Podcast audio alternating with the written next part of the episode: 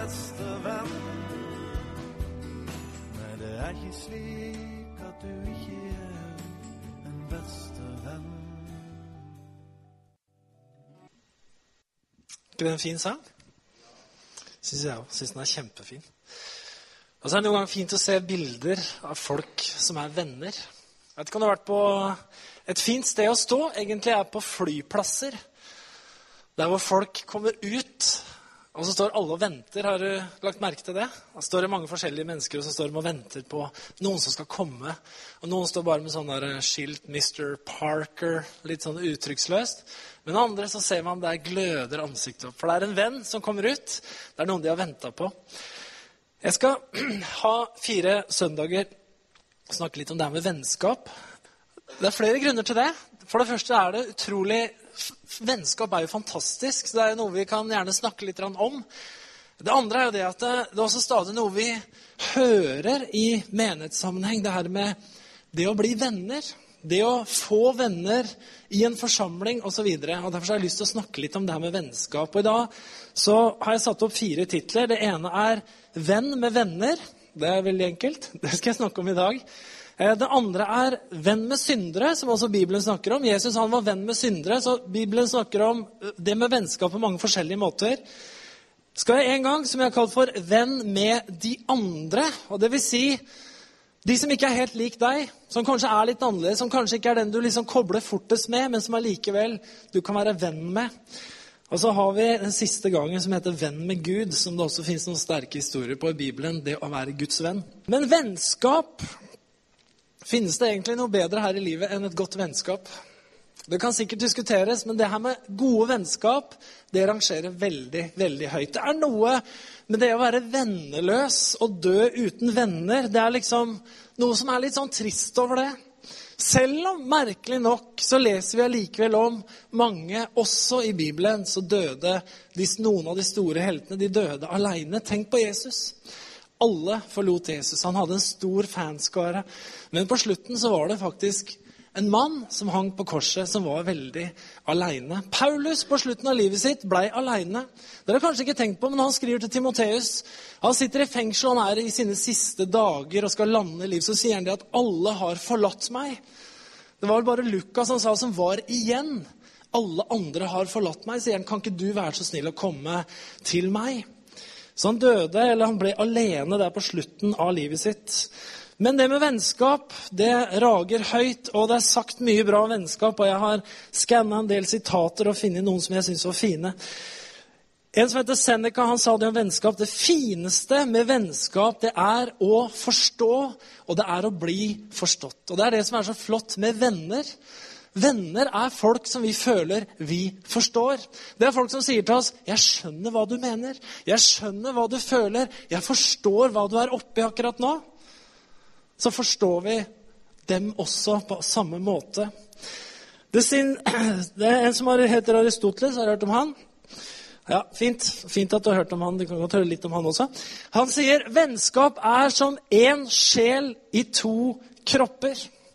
Vennskap er som to sjeler i én kropp. Jeg vet ikke hvor mange her som har vokst opp med Sølvpilen. Kassettgenerasjonen er dere her? Det er vi som spilte sånne små plastting. ja. Sølvpilen og Falk, hvem husker ikke dem? Blodsbrødre gjorde et veldig inntrykk på meg husker jeg, da jeg var liten. Og så var det da Månestråle. Hun var da jo, Månestråle. Altså, alle gutter på seks år var forelska i Månestråle. Sånn var det bare.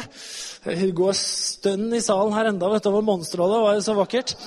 Så bare bla i, på Internett. Finn fram dere som er yngre. altså Sølvpilen. Det var store greier. I hvert fall, det var liksom Sølvpilen kjøpte man hver uke sammen med Donald og sånn. Eh, men de var blodsbrødre, da. Så det, det, de var indianere, nemlig. De hadde, de hadde blanda blod. og det var et liv er, Sjelen er i blod osv. Så, videre, så de hadde blanda blod. De var blodsbrødre. De hadde en sånn der vennskapspakt. Og I Bibelen finnes det også sånne historier om David og Jonathan for eksempel, som inngikk en sånn vennskapspakt. Så Jeg hadde en kamerat som het Knutson. Han het egentlig ikke det, han het Knut Ove. Men vi leste mye Sølvpilen og var forelska i Månestråle og hadde liksom Falk og Sølvpilen som helter. Så vi snakka om det at vi burde være blodsbrødre. Vi var vel sånn åtte år eller noe sånt. Og vi lurte på det, vi forsto at dette hadde jo med blodsutytelse å gjøre. Her måtte det skjæring til. Jeg husker Vi diskuterte det ganske lenge hvordan vi skulle gjøre det. Jeg Husker ikke helt hva vi brukte, om det var en passer eller hva det var, men det, i hvert fall endte opp med at vi en dag på gutterommet til Knutson rispa oss nok til at vi blødde. Og så gnikka vi inntil hverandre. Nå er vi blodsbrødre for alltid. Og vi kjente bare at nå er vi venner for livet. Og det, det er vi faktisk, uten at det hadde med det å gjøre. Salomo han skriver i ordspråkene at den som dekker over feiltrinn, legger vind på vennskap, og den som bringer det videre, han skiller venn fra venn.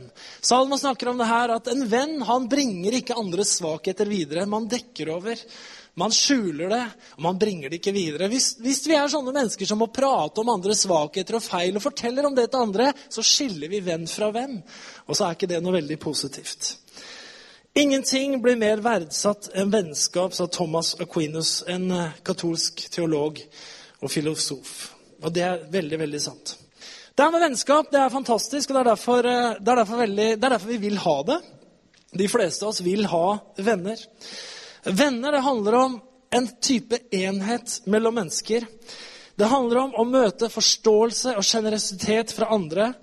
Og det handler om relasjoner der man støtter hverandre og hjelper hverandre på alle mulige måter. Og jeg tror at det her, det her behovet vi har for venner, da, det, det, har sitt utgangspunkt i skapelsen, tror jeg.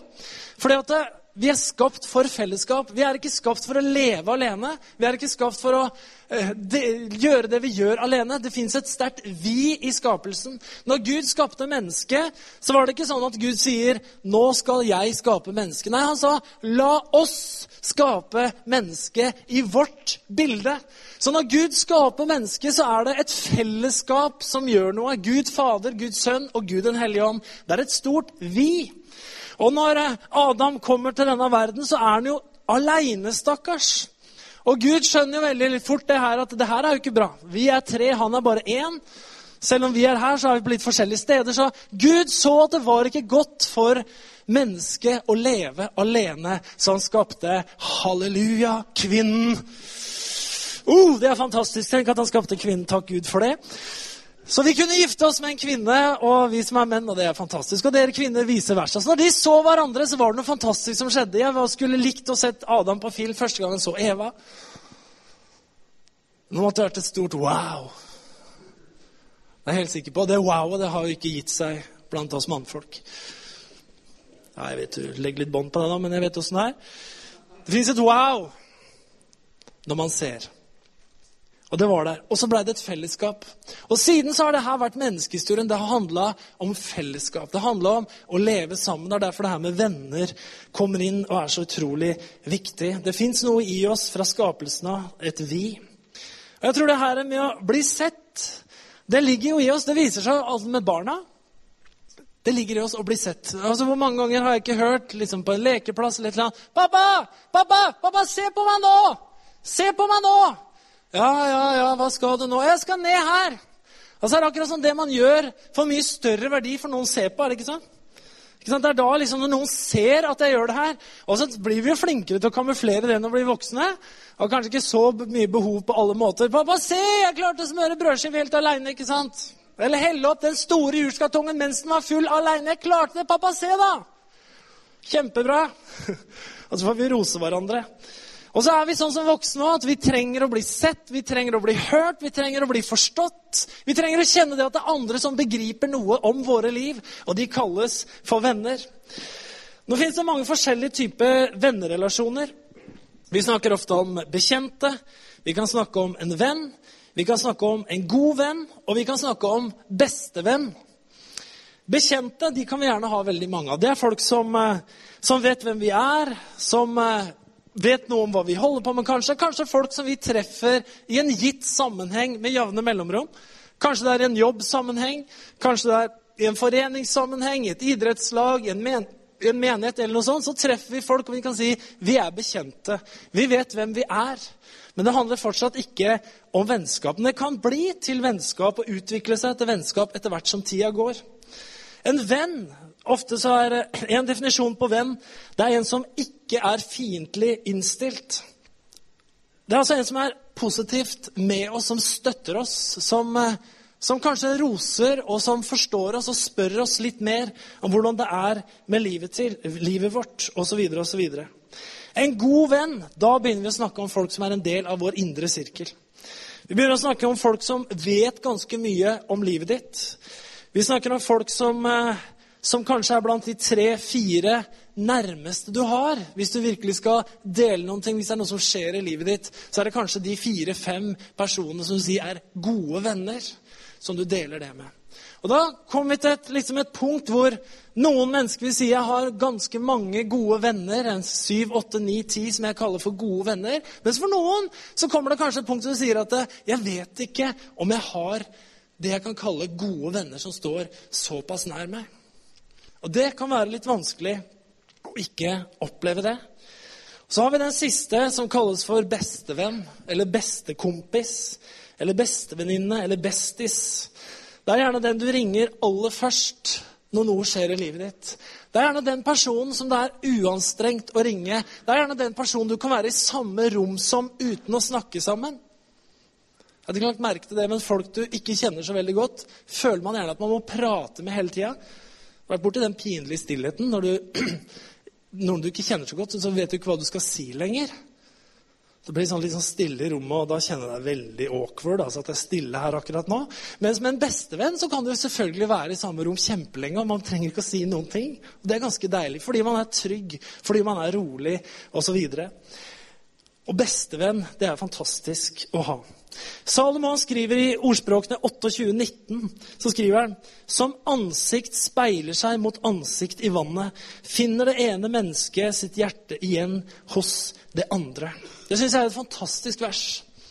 Eh, og Noen ganger så kommer man i forskjellige settinger her i livet. Og det er utrolig hvor fort vi finner hverandre igjen. Som et menneske, et ansikt speiler seg i vannet, så finner et annet menneske sitt hjerte igjen hos et annet. Når du speiler deg i vannet, så er det sånn at du ser deg selv. Du ser et bilde av deg selv, og du tenker 'Han kjenner jeg igjen. Han vet jeg hvem er. Han er jeg fortrolig med.' Sånn er det også med oss mennesker. Når vi treffer visse personer, så er det som vi kjenner igjen oss sjøl. Og jeg tenker at Det er litt sånn uforklarlig. Det er noe vi ikke nødvendigvis kan på en måte få til å skje. Men jeg tror det er sånn at det, vi er skapt på litt forskjellig måte. Og så er det enkeltmennesker vi vi treffer hvor vi bare kjenner at Deg kjenner jeg meg igjen i. Jeg husker jeg kom i når jeg dro til Forsvaret for utrolig mange år siden. Da kom jo alle som kom inn der, de var eh, de var fra forskjellige steder i landet. Ingen kjente hverandre. Vi var 120 stykker som kom inn i denne rekruttroppen, som det het. Eh, rekruttkompaniet var det. Det var to tropper, eh, et kompani. Rekruttkompaniet, og det var folk masse fra Nord-Norge, husker jeg, 70% som banna og steika hele tida. Så jeg bodde på rom med bare nordlendinger som banna og steika hele tida. Det skulle være veldig overgang, husker jeg. Fra pinsekirken, liksom. Eh, og, men det interessante er jo hvor kort tid det tar før folk finner sammen, og de holder sammen resten av året. Det er som Han typen der og han typen der, de ligner litt på hverandre. De fant sammen. Jeg fant mine typer. Det er noe med at vi treffer noen mennesker som vi speiler oss i, og så kjenner vi hverandre igjen, og så blir det et vennskap ganske fort ut av det. Jeg har lyst til å snakke litt om eh, menighet og vennskap. Fordi at det er, det er noe vi er litt opptatt av, er det ikke det? Jeg, jeg, og jeg er litt opptatt av det på folks vegne òg. Når de kommer for eksempel, begynner i bykirken eller begynner å gå her, så er det noe jeg liksom er litt interessert i å vite etter en stund. Og det er jo har du fått noen venner? Eller ser du bare folk i nakken hver søndag og drikker en litt sånn light, overfladisk kaffe og så går hjem igjen? Eller skynder du deg rett ut av døra? Men jeg tenker at det er kjempeviktig. Og det viser seg jo det at eh, Folk velger jo ikke fellesskap eller interesser ofte i lengden pga. sjølve greia, men det handler om får man venner, får man relasjoner. De fleste som begynner å velge en forsamling, for eksempel, det er jo ofte ikke pga. teologi. Noen er det som er veldig opptatt av teologi. Det er noen, Men de fleste de velger det fellesskapet hvor de skal bruke livet sitt pga. relasjonene som de får, pga. vennskap som oppstår. Og Hvis det ikke oppstår det, så er det veldig ofte at vi forsvinner ut fordi at vi trenger å være sammen og dele livet sammen med andre. Jeg tenker Vi har litt sånn forskjellige ulike typer i menigheten. da. Sånn generelt, og sikkert da også her, av folk i forhold til det her med vennskap og sånn. Jeg, jeg tror det er viktig for de fleste av oss, men ikke like viktig for alle. Eh, noen folk som går i en kirke, de, eh, de syns ikke det er så viktig med venner. Det tror jeg vi kan si. Jeg har holdt på ganske lenge med det her. Noen går til en menighet eller en forsamling først og fremst for å høre Guds ord. Først og fremst for å lovprise Gud og kjenne at Gud er der, og så få åndelig mat, og så går de hjem igjen. Eh, jeg har ikke noe sånn der, liksom, snitt på hvem det er mange av få, men jeg har absolutt møtt eh, de folka som syns derfor jeg går til menigheten, det er for å få min åndelige mat. Jeg ønsker å høre Guds ord, jeg ønsker å prise Gud, og så går jeg hjem igjen. Og det er ikke så farlig med venner, egentlig. Så er det folk som eh, kanskje går eh, til en kirke egentlig ikke pga. sitt eget behov, men kanskje de går dit pga. barna f.eks. For, eksempel. for mange er det viktig at barna mine må jo få tak i Gud, og barna mine de må eh, få tak i troen om Jesus. og sånn, Så der har de søndagsskole, og der er det liksom litt ting som skjer for barna. Så jeg går til kirken fordi jeg ønsker at barna mine skal fordele i det her.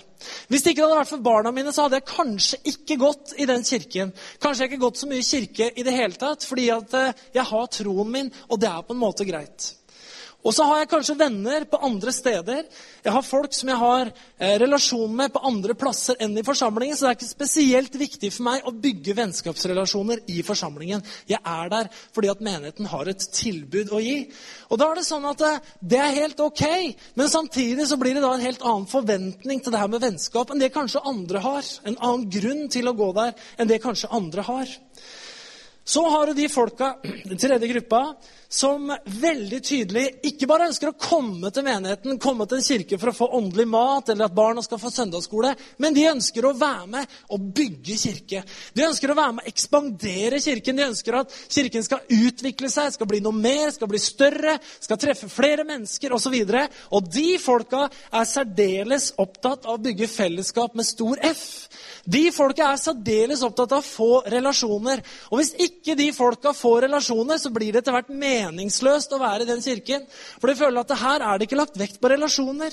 Her har jeg ikke fått venner. Det er ingen som interesserer seg for livet mitt. Og jeg liksom kjenner jeg får ikke tilgang hos andre for å dele liv med dem i det hele tatt. Om det pågår lenge for de folka, så finner de seg ofte et annet sted å være. Fordi vennskap og relasjoner, det er så viktig for dem. Og det er den kategorien folk som kommer til å bygge kirken, som kommer til å utgjøre kjernen i en kirke.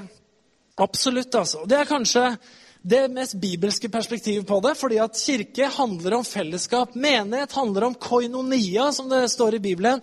Som altså betyr et fellesskap med hverandre. Og Hvis vi skal ta utgangspunktet med Jesus som en modell, så var det nettopp det at han starta en disippelflokk og da bygde han fellesskap med noen mennesker som var ganske tett. Og ut fra det fellesskapet og ut fra de vennskapene som Jesus skapte i disippelflokken, så ble menigheten født. Så det med vennskap det har en enorm betydning i forhold til at du vil være med og bygge kirke. Så er det litt eh, opp til deg, holdt jeg på å si. På en måte kan vi si det, hvor du er hen på det området der. Men det er klart, vi har ikke som noe ønske å liksom være en serviceinstitusjon. Det må strekke seg litt lenger. Det må bli noen relasjoner. Det må bli noe som blir knytta sammen, så vi kan leve sammen, og det får mening. Så har du den siste gruppa, sikkert flere grupper om, det her er bare noe som jeg har tenkt på.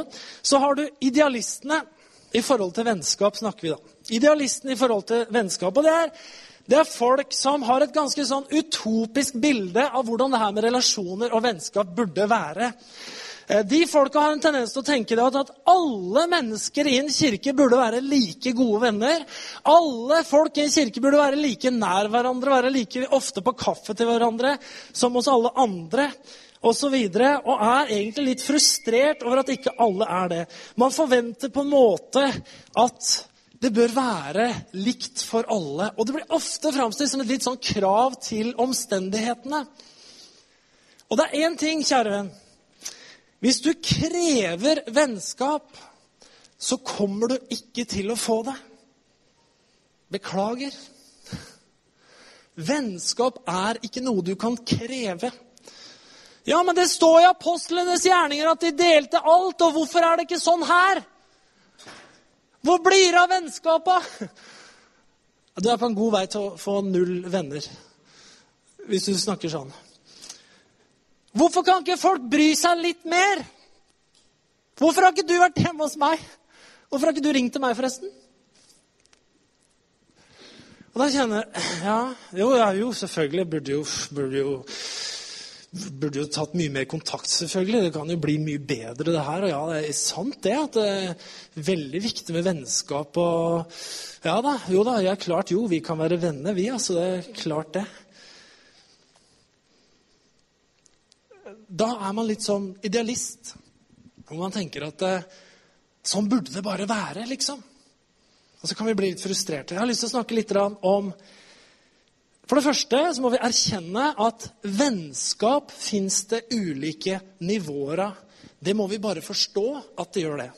Jeg mener, Hvis vi tar Jesus som eksempel, da, så er det sånn at Jesus han drar sammen en disippelflokk eh, på 70, men også den nærmeste disippelflokken til Jesus de var på 12 personer, som han dro sammen fra litt forskjellige sammenheng. Og Vi vet ikke helt hvor godt Jesus kjente de ulike. Men vi vet at han kjente noen av dem fra før, men vi vet ikke hvor godt han kjente alle de forskjellige tolv. Eh, det er helt klart at Uansett hvordan relasjonen mellom Jesus og de forskjellige disiplene hadde vært, så var det sånn at den relasjonen Jesus hadde med disiplene, den utvikla seg fra å være noe til å bli noe mer. Når Jesus snakker for f.eks. i Johannes 15, 15, så sier Jesus noe veldig spennende om vennskap. Han sier, 'Jeg kaller dere ikke lenger tjenere, for tjeneren vet ikke hva Herren hans gjør. Jeg kaller dere venner, for jeg har gjort kjent for dere alt jeg har hørt av min far. Jesus sier med andre ord at han går fra én type relasjon med disiplene, fra å være det han så på som tjenere, Altså Folk som var rundt ministeren til Jesus, folk som var rundt det som Jesus holdt på med. Han lærte, han underviste, han helbreda syke, han reiste fra by til by. Og han på en måte har hatt en identitet på disippelflokken som mine tjenere. Og Det var akkurat det det var også i den kulturen i den tradisjonen. så var Det sånn at det, det var ikke bare Jesus som hadde disipler, det var mange læremestere som hadde disipler. ikke sant? Som hadde læresvenner. Som var med læremesteren sin og var der for å lære og var der for å tjene. Jesus hadde en sånn relasjon til sine disipler. Men så kommer det til et punkt hvor Jesus sier at 'jeg kaller dere ikke lenger tjenere, men jeg kaller dere venner'. Hvorfor det? Fordi at jeg har vist dere alt det som min far har vist til meg. Med andre ord så sier Jesus, 'Jeg har bretta ut hjertet mitt for dere'. Jeg har fortalt dere om mitt liv. Jeg har åpna livet mitt for dere. Jeg har åpenbart det jeg lever for, den jeg er. Jeg har latt dere se det. Og derfor så er dere ikke lenger tjenere. Dere har blitt venner. Og Det sier han til disiplene. Så er det sånn at Jesus har tolv disipler, men det er også tydelig at Jesus har en indre sirkel blant de tolv. Men eh, når Jesus er oppe på Oljeberget han forklarer om de siste tider. så står det, det at han var I Markus 13 så var han sammen med Johannes, Andreas, Jakob og Peter. Og Det ser du i flere sammenhenger. At han er sammen med de. Det er altså noen i disippelflokken som står enda nærmere Jesus, som henger enda tettere med Jesus, og som Jesus helt klart tar med seg når det er noe spesielt som skjer. Det er altså ikke sånn at Jesus har en sånn ja, nå var dere to med forrige gang, og så da blir dere to med nå. Sånn at det ikke blir liksom noe tull her, at ikke alle har fått vært med på like mye. sånn der Moses og Elias som kommer ned og sånn. Altså, her må vi dele likt. Nei. Jesus har noen som står nærmere. Sånn er det bare. Jeg vet ikke hvordan de andre reagerte på det, men jeg vet at den dagen hvor det er nattverd, og Jesus snakker om at han skal bli forrådt, så er det én disippel som ligger ved Jesu bryst. Han var ganske nær, da, tenker jeg ligger ved bordet og spiser og henger liksom ved Jesu bryst. Og Jesus snakker om å bli forråda. Og det er ikke sånn at noen på bordet sier. 'Jesus, hvem er det du snakker om, egentlig?' Men de nikker til han der som ligger på, ved Jesu bryst. 'Kan du ta og spørre han, eller?' Det er helt tydelig at han, Johannes, han var så nær at han følte at, han, at kanskje Johannes han kan stille det spørsmålet om hvem det egentlig er. Men vi andre, vi tør ikke helt. Johannes han var den som sto aller nærme Jesus. Han var her på jorda, men han har vært bestevennen til Jesus. Når Jesus henger på korset, så står mora hans nedenfor. Hun er på vei til å bli uten sønn. I hvert fall én av dem. Og da sier Jesus, og det er Johannes som skriver det her sjøl. Da Jesus så mor og ved siden av, Jesus så da mor, og ved siden av henne disippelen som han elsket, sa han til sin mor, 'Kvinne, dette er din sønn.' Den disippelen som Jesus elsket, det var én som var nærmere enn Jesus enn alle andre, og det var Johannes. Johannes og Jesus var beste venner. Hvorfor var de det? Det kan også ha sine naturlige årsaker som har med tid å gjøre. Faktum er at Johannes og Jesus var fettere. Jeg vet ikke om du er klar over det, men Maria var søstera til Salome, som var moren til Johannes. Så de var fettere. Sannsynligvis har Jesus og Johannes kjent hverandre fra de var små. De har sannsynligvis hatt en relasjon veldig lenge. Jeg mener Det er ganske vanlig blant fetter i samme by sånn cirka, at det fins en viss relasjon der. Så dette her kan ha hatt med tid å gjøre. Dette her var kanskje gutter som hadde vokst opp sammen. Og så ble denne her relasjonen bevart. Ja, men elska ikke Jesus de andre disiplene? Jo, selvfølgelig gjorde han det. Jesus elska hele verden. Men allikevel så var det en kjærlighet, en vennskapskjærlighet, en relasjonell kjærlighet som heter filios. Det er forskjellige ord for kjærlighet i Bibelen. Et av dem er filos, som betyr kjærlighet oss mennesker imellom. Den kjærligheten hadde Jesus tydelig til Johannes på en spesiell spesiell måte. Så vi må også forstå det at vennskap kan ha forskjellige grader, og vennskap kan utvikle seg. Og så er det noe som kan ta tid, og som vi kan jobbe med. Aristoteles han sa om vennskap at den som er venner med alle, har ingen venner. Det er ganske godt sagt. Er, hvordan, hvordan, får man venner? Nå får jeg være litt sånn praktisk her nå. Hvordan skal du få flere venner? Hvis du vil ha flere venner, da. Altså er ikke bare om å få venner, men det handler om å gi vennskap også til andre mennesker. Som vi tror er en kjempeverdi. Jeg husker jeg fikk veldig sånn hard trening på det når jeg, var, når jeg var barn. For vi dro ofte på campingferie. eller veldig mange år så dro vi på campingferie om sommeren. Og da kom jeg til disse campingplassene. Og der var det liksom ikke fastboende på de campingene. Da var det, da skal, her skal vi være i fem uker. Så noe av det første som skjedde, det var jo det typ beskjed fra foreldrene. Ja, Magnar, nå får du nå får jeg gå og se om du finner noen å leke med. Liksom. Nå får jeg gå og finne noen venner. Ja, hvor eh, begynner vi hen, tro? Skal vi gå og finne noen venner her? Men det er jo den beskjeden du får som liten. Gå ut og finne noen venner å leke med. Den gangen trodde jeg foreldrene mine liksom ville at jeg skulle ha venner og ha det fint selv. Nå skjønner jeg jo som pappa at når barna får venner, så får du ferie. ikke sant? Nå har jeg forstått det. Det er jo det det handler om, selvfølgelig. For inntil barna har fått venner, så kommer han tilbake hele tiden. 'Mamma, 'Mamma er tørst, jeg har saft, jeg har ikke funnet noen venner, jeg kjeder meg, jeg vet ikke hva jeg skal gjøre.' ikke sant? Kan vi finne på noe? Det er ikke noe vi kan finne på. Og de har liksom akkurat landa etter en hektisk liksom, år med arbeid og endelig kommet på ferie. Da orker du egentlig ikke barn som går og maser hele tida. Gå og finn noen venner. Så da gikk jeg jo og fant venner, selvfølgelig. Og hvordan gjør man det? Jo, man drar jo der hvor det er noen på din egen alder og er veldig usikker og sånn. Og så kan være noe sånn der eh, Plutselig sier jeg jeg har gummibåt, da. Ja, har du gummibåt? Ja, skal det være Ja, hvor er den da? Ja, har den borte, da. Har ikke pumpa den opp ennå. Ja, ja. Jeg har lyst til å se på den, eller? Ja, bli med en tur. Ja. Så begynner det, da. Jeg fikk jo venner hver sommer. Det blei gode, det ble gode kamerater av. Og så blir det bare, man vil jo være sammen med de hele tida. Jeg tenker jeg har sikkert fått med meg det her videre i livet. liksom Gå og finn deg en venn. Og det, jeg lever altså, det Gi den beskjeden til voksne. liksom, Nå får du gå ut og finne deg noen venner her. altså. Ta en tur.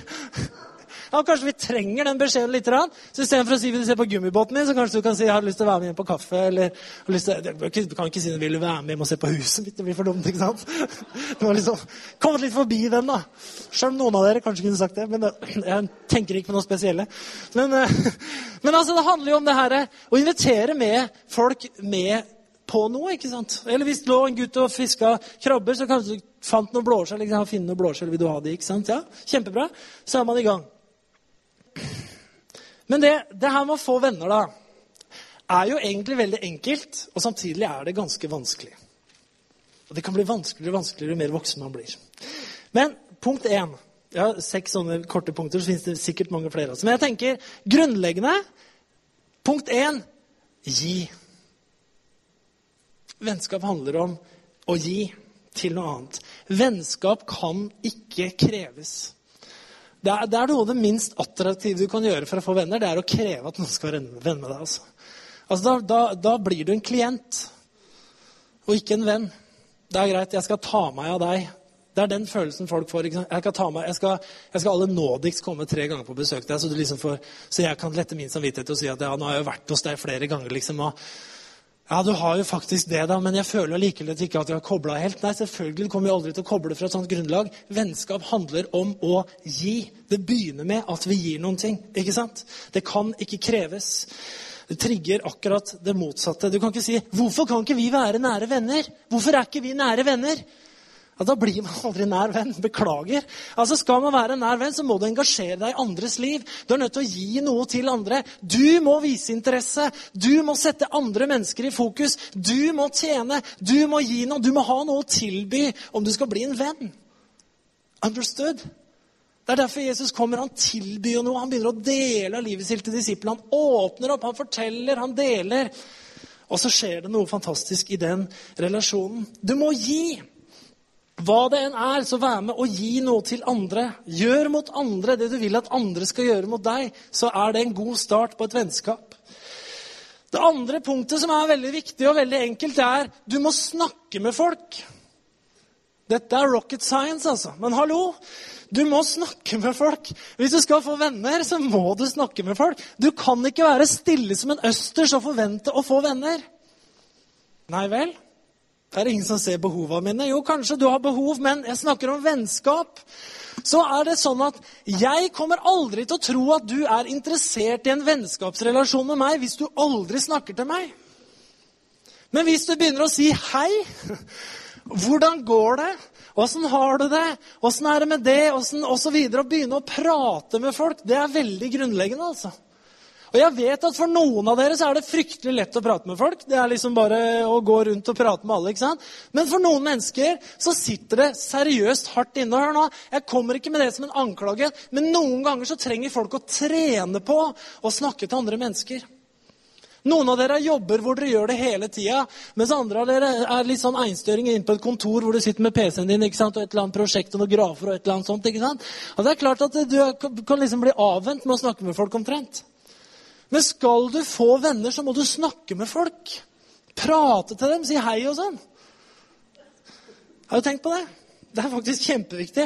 Jeg veit om en fyr som bor et annet sted osv. Han har ikke venner. Jeg syns han er en kjempeknall fyr, men han har ikke venner. Hvorfor det? Han sier jo aldri noe til noen. Uansett hvor han kommer, så er han helt stille. Han går inn, og går han på møte, og sånn, så går han inn og nikker. Setter seg på møtet nikker og går igjen og sier så vidt hei. ikke sant? Hvis du tvinger den til det. Får jo ikke venner, vet du. Skulle sikkert hatt det. Men du må snakke med folk. Det andre, det tredje, mener jeg, det tredje er en annen viktig ting. Det er smil. Hallo? Vær blid, vær smil, vær imøtekommende mot andre mennesker. Hva betyr det? Gi komplimenter. Ja, men det pleier jeg sjelden å gjøre. Ja. Men altså, det er veldig viktig. Det å rose Når noen roser oss, så vet vi at de er på parti med oss, gjør vi ikke det? Når noen sier noe positivt om oss, så kan det være om en liten ting. Kule nye lisser du har fått på skoene dine. Jeg mener, Det er en banal ting. ikke sant? Hvis noen har kjøpt rosa lisser. Tøffe lisser. Altså, Det er noe med det at Kult! Han så de rosa lissene. Jeg pleier å gi komplimenter på nye gardiner og sånn. Det går kjempehjem hos damer. Jeg har lagt merke til. Så jeg har ofte fått beskjed om at det har ikke mannen min sett engang. Da kjenner jeg er med. Jeg er en venn, vet du. Jeg ser at de har fått nye gardiner. Det må bare prøve. Altså, alle mannfolk ser du ei som har fått nye gardiner, så si det. Du blir god venn med en gang. Ja, men det er noe med det. Altså, hadde kommet ei dame til meg og sagt liksom, eh, 'Kule felger du har fått på bilen.' Det er klart, For ei dame, hadde jeg tenkt da. Det har ikke kona mi sett engang. Ja, men Det handler jo om å gi noen komplimenter, å være blid og hyggelig og rose andre mennesker. Det står faktisk i det Bibelen 'kappes om å hedre hverandre'. Si noe godt om andre. Ikke sant? Når folk har gjort noe, så gi dem en klapp på skuldra og si 'det der var bra'. Da kjenner du det, at her er det ikke en som er fiendtlig innstilt. Når vi ikke sier noe, så vet vi jo ikke helt hvor vi har hverandre. gjør vi det? Men idet du har åpna munnen og sagt noe positivt, så vet vi der har jeg en venn. Det fjerde er lytt. Vær en god og interessert lytter. Oppmuntre andre til å snakke om seg selv. Og Det har du sikkert hørt historier om og vært med på. Men noen ganger, om man er opptatt av å stille folk spørsmål, så kan de sitte og prate sjøl. Du trenger bare å si mm, ja, mm, mm, ja, mm, fint, enig. Du kan sitte sånne timer og de vil si fantastisk samtale vi har hatt. Helt utrolig bra samtale. Og egentlig har hun prata om seg sjøl hele tida.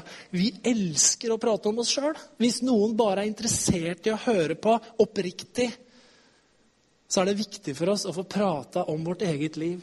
Venner gjør sånne ting. Jeg veit det at de jeg kan tenke på som gode venner, nære venner, så er det én ting som kjennetegner dem, og som gjør jeg får lyst til å snakke om det, er de er genuint interessert i hvordan det er med meg. Og når de hører på, så sitter de ikke og ser en annen vei, eller sjekker e-posten, eller spiller et spill, Arcadia ved siden av, eller hva de holder på med. De gjør ikke det. De hører på meg. Og da kjenner jeg at du er med meg. Du er en venn av meg. Lytt til andre mennesker. Gå ut i kafeen etterpå, lytt og vær god og interessert lytter. Eh, problemet er at vi får ikke noen samtaler her i dag, for alle skal bare lytte til noen andre. Så hvis vi tar Anna og er bortover, så er det kjempebra. Eh, det femte som er viktig for vennskap, det er gjør noe sammen. Gjør jeg vet Det her er superenkelt, men det er sånn ting skjer. altså. Gjør noe sammen. Altså, Det er mange forskjellige ting som knytter vennskap og trigger vennskap hos ulike typer mennesker. Det er jeg klar over.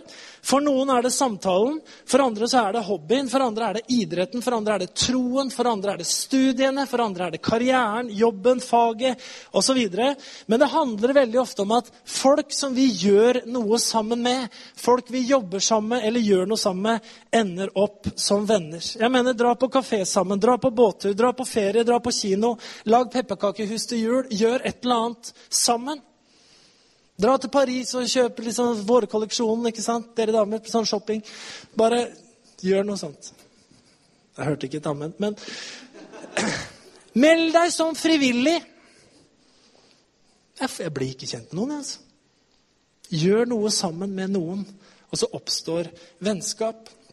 Kjempeviktig. Sjette vær lojal og pålitelig selv om andre gjør feil. Venner støtter hverandre i medgang og motgang. Kjærlighet dekker over et mangfold av synder. Den som sprer andres svakheter, er med å skille venn fra venn. Vær pålitelig selv om andre gjør feil. En venn gjør det her.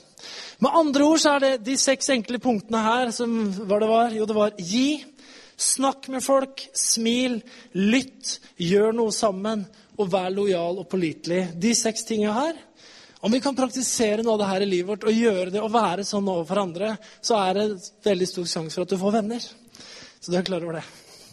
Det er med andre ord det motsatte av den, den, den oppførselen vi har når vi er på et sted med mange mennesker hvor vi ikke ønsker å få venner.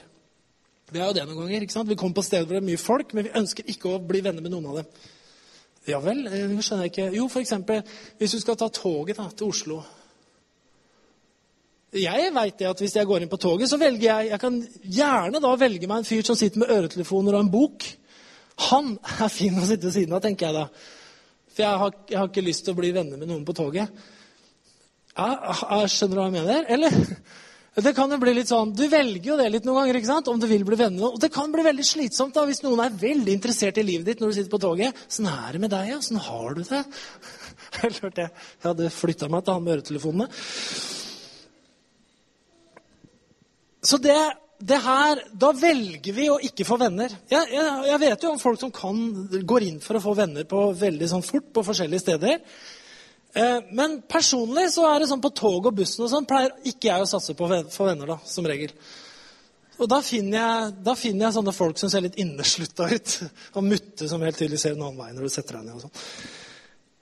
Men skal du ha venner, så må du oppføre deg motsatt av hva du gjør på pendlertoget. Rett og slett. Vi velger om vi vil ha venner. Jeg snakka litt da med venn med venner. For jeg tror det fins mange måter å snakke om vennskap på. Det fins mange typer relasjoner. Det fins også noe som heter venn med Gud. Men har du fått nytte av det her? Er det noe du kan ta med deg? Bra. Og så, og så til deg som ikke syns det er så viktig med venner, da, så kan jeg tipse deg om at det er en veldig berikelse å ha dem. Det er veldig bra. Du burde prøve. Det er kjempebra å ha venner. Og gode venner og gode vennskap det kan ta tid å utvikle, men det kan utvikle seg videre. Stig, kan ikke du ta piano, så skal vi gå litt mot avslutning her. Det er jo sånn at eh, Vi skal snakke litt om, om Jesus også en, en, annen gang her, om det med synderes venn. Eh, vi skal ta oss og reise oss. Jeg har lyst til å, Helt seriøst, jeg har veldig lyst til å be en bønn. Eh, det kan Nå har vi det litt gøy med det, og sånn, men, men, det er veldig Det kan være veldig vondt og veldig vanskelig hvis man opplever at uh, jeg, jeg får ikke venner. Jeg har ikke venner. Og det å si at noen er en god venn uh, eller bestevenn, kanskje man kan synes er vanskelig å finne og si. Og Da skal ikke det her bli noe sånn negativt krav til deg, men eh, jeg tenker at det å utvikle relasjoner, det, det er noe som noen ganger skjer veldig lett automatisk, og andre ganger er det noe vi må jobbe litt med og bestemme oss for å gjøre. Men jeg har lyst til å be en bønn om det her med vennskap, for jeg vet at det betyr så utrolig mye. Og jeg tror vi er skapt sånn fra skapelsen av. Behovet for å være sammen og være et oss, det fellesskapet. Jeg har lyst til å be for deg som kanskje ikke opplever at det er sånn. Herre Jesus, jeg takker deg for når du skapte oss sammen med Gud Far, Gud den hellige ånd, så var det et oss. Dere var et fellesskap, Herre, og dere skapte oss i deres bilde for at vi skulle leve i fellesskap med deg og med andre. Jeg takker deg, Herre Far i himmelen, for at eh, vi er gitt til hverandre som mennesker, Herre. Vi har fått gaver og talenter, så vi kan være, vi kan være store gaver inn i andre menneskers liv. Så takker jeg deg, Herre, for dette fellesskapet som vi har her. At du eh, åpner våre øyne og våre sanser i forhold til å skape gode vennskap. Og Jeg ønsker å be om det er noen her inne i formiddag som opplever at de er nærmest venneløse. At de ikke har venner. Så ber jeg at du åpner øynene til oss som er rundt, Herre, så vi ser. Så ikke vi bare ser oss selv. Jeg takker deg også, Herre, at du gir frimodighet i formiddag til den som føler seg litt aleine, til å tørre å begynne å gi. Til å tørre å begynne å smile. Til å våge å begynne å snakke med noen. Til å våge å invitere noen. Til å gjøre noe sammen, far. I Jesu navn. Det ber jeg om. Halleluja. Det er en sang, en gammel sang mens vi er inne på det i dag, som heter 'Hvilken venn vi har i Jesus'. Alt han vet, og alt formår. Det er det jeg husker av den sangen. Men hvilken venn vi har i Jesus. Og det er en viktig sak. Og det jeg har lyst til å si her i formiddag, om Jesus ikke er din venn, så er han vennen over alle venner. Og det var kanskje noe av det som de opplevde, disse her som jeg nevnte til å begynne med. Som Paulus, som blei aleine, så tror jeg han visste han hadde en venn i Jesus. Det mørkeste øyeblikket i Jesu liv, det var da hans venn, hans far, hans part, far i himmelen, hvor han opplever at det er som Gud forlater ham. Det er det største nødskriket i hele historien, hvor han på korset roper 'Min far, min far, hvorfor har du forlatt meg?' Det er det vanskeligste øyeblikket Jesus hadde når han følte han var aleine.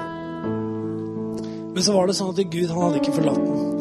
Han kom bare tilbake på en annen måte og reiste Jesus opp igjen fra de døde. Og Jesus, han ønsker å være din venn. Det har vært fantastisk for meg og jeg vet for så mange å møte Jesus som en venn. En som forstår, en som ser livet, en som deler med seg alle ting. Og mens vi er her i formiddag, så fins det tilbudet. Jesus han er alltid til stede her. Han er alltid til stede i livet ditt. Han banker på døra og så spør kan jeg få komme inn og spise sammen med deg. Og det å spise, det handler om vennskap. Det handler om fellesskap. Kan jeg få komme inn og spise sammen med deg? Kan jeg få lov å være din venn? Og den invitasjonen har jeg lyst til å gi her i formiddag. Om du er her, som ikke med deg selv vet at du har invitert Jesus inn som venn, så vil jeg at du skal gjøre det i formiddag og si Jesus, jeg ønsker å invitere deg inn som venn i mitt liv. Jeg ønsker å ta imot deg som min beste venn, min frelser. Hvis alle lukker øynene sine et lite øyeblikk, lukker øynene og bøyer hodene, så jeg har bare lyst til å spørre om du er her i formiddag, som tror på Jesus som tror at han døde for dine synder og sto opp igjen for deg, og kjenner at du vil ta imot han som venn, og ikke har gjort det før, så vil jeg at du rekker opp hånda di mens bare jeg ser det, og så skal jeg be en bønn for deg. Er du her, så kan du løfte opp hånda di akkurat nå. Om du ønsker å invitere Jesus inn som en venn i ditt liv, som frelser i ditt liv. bare rekke opp hånda. Skal jeg be en bønn for deg?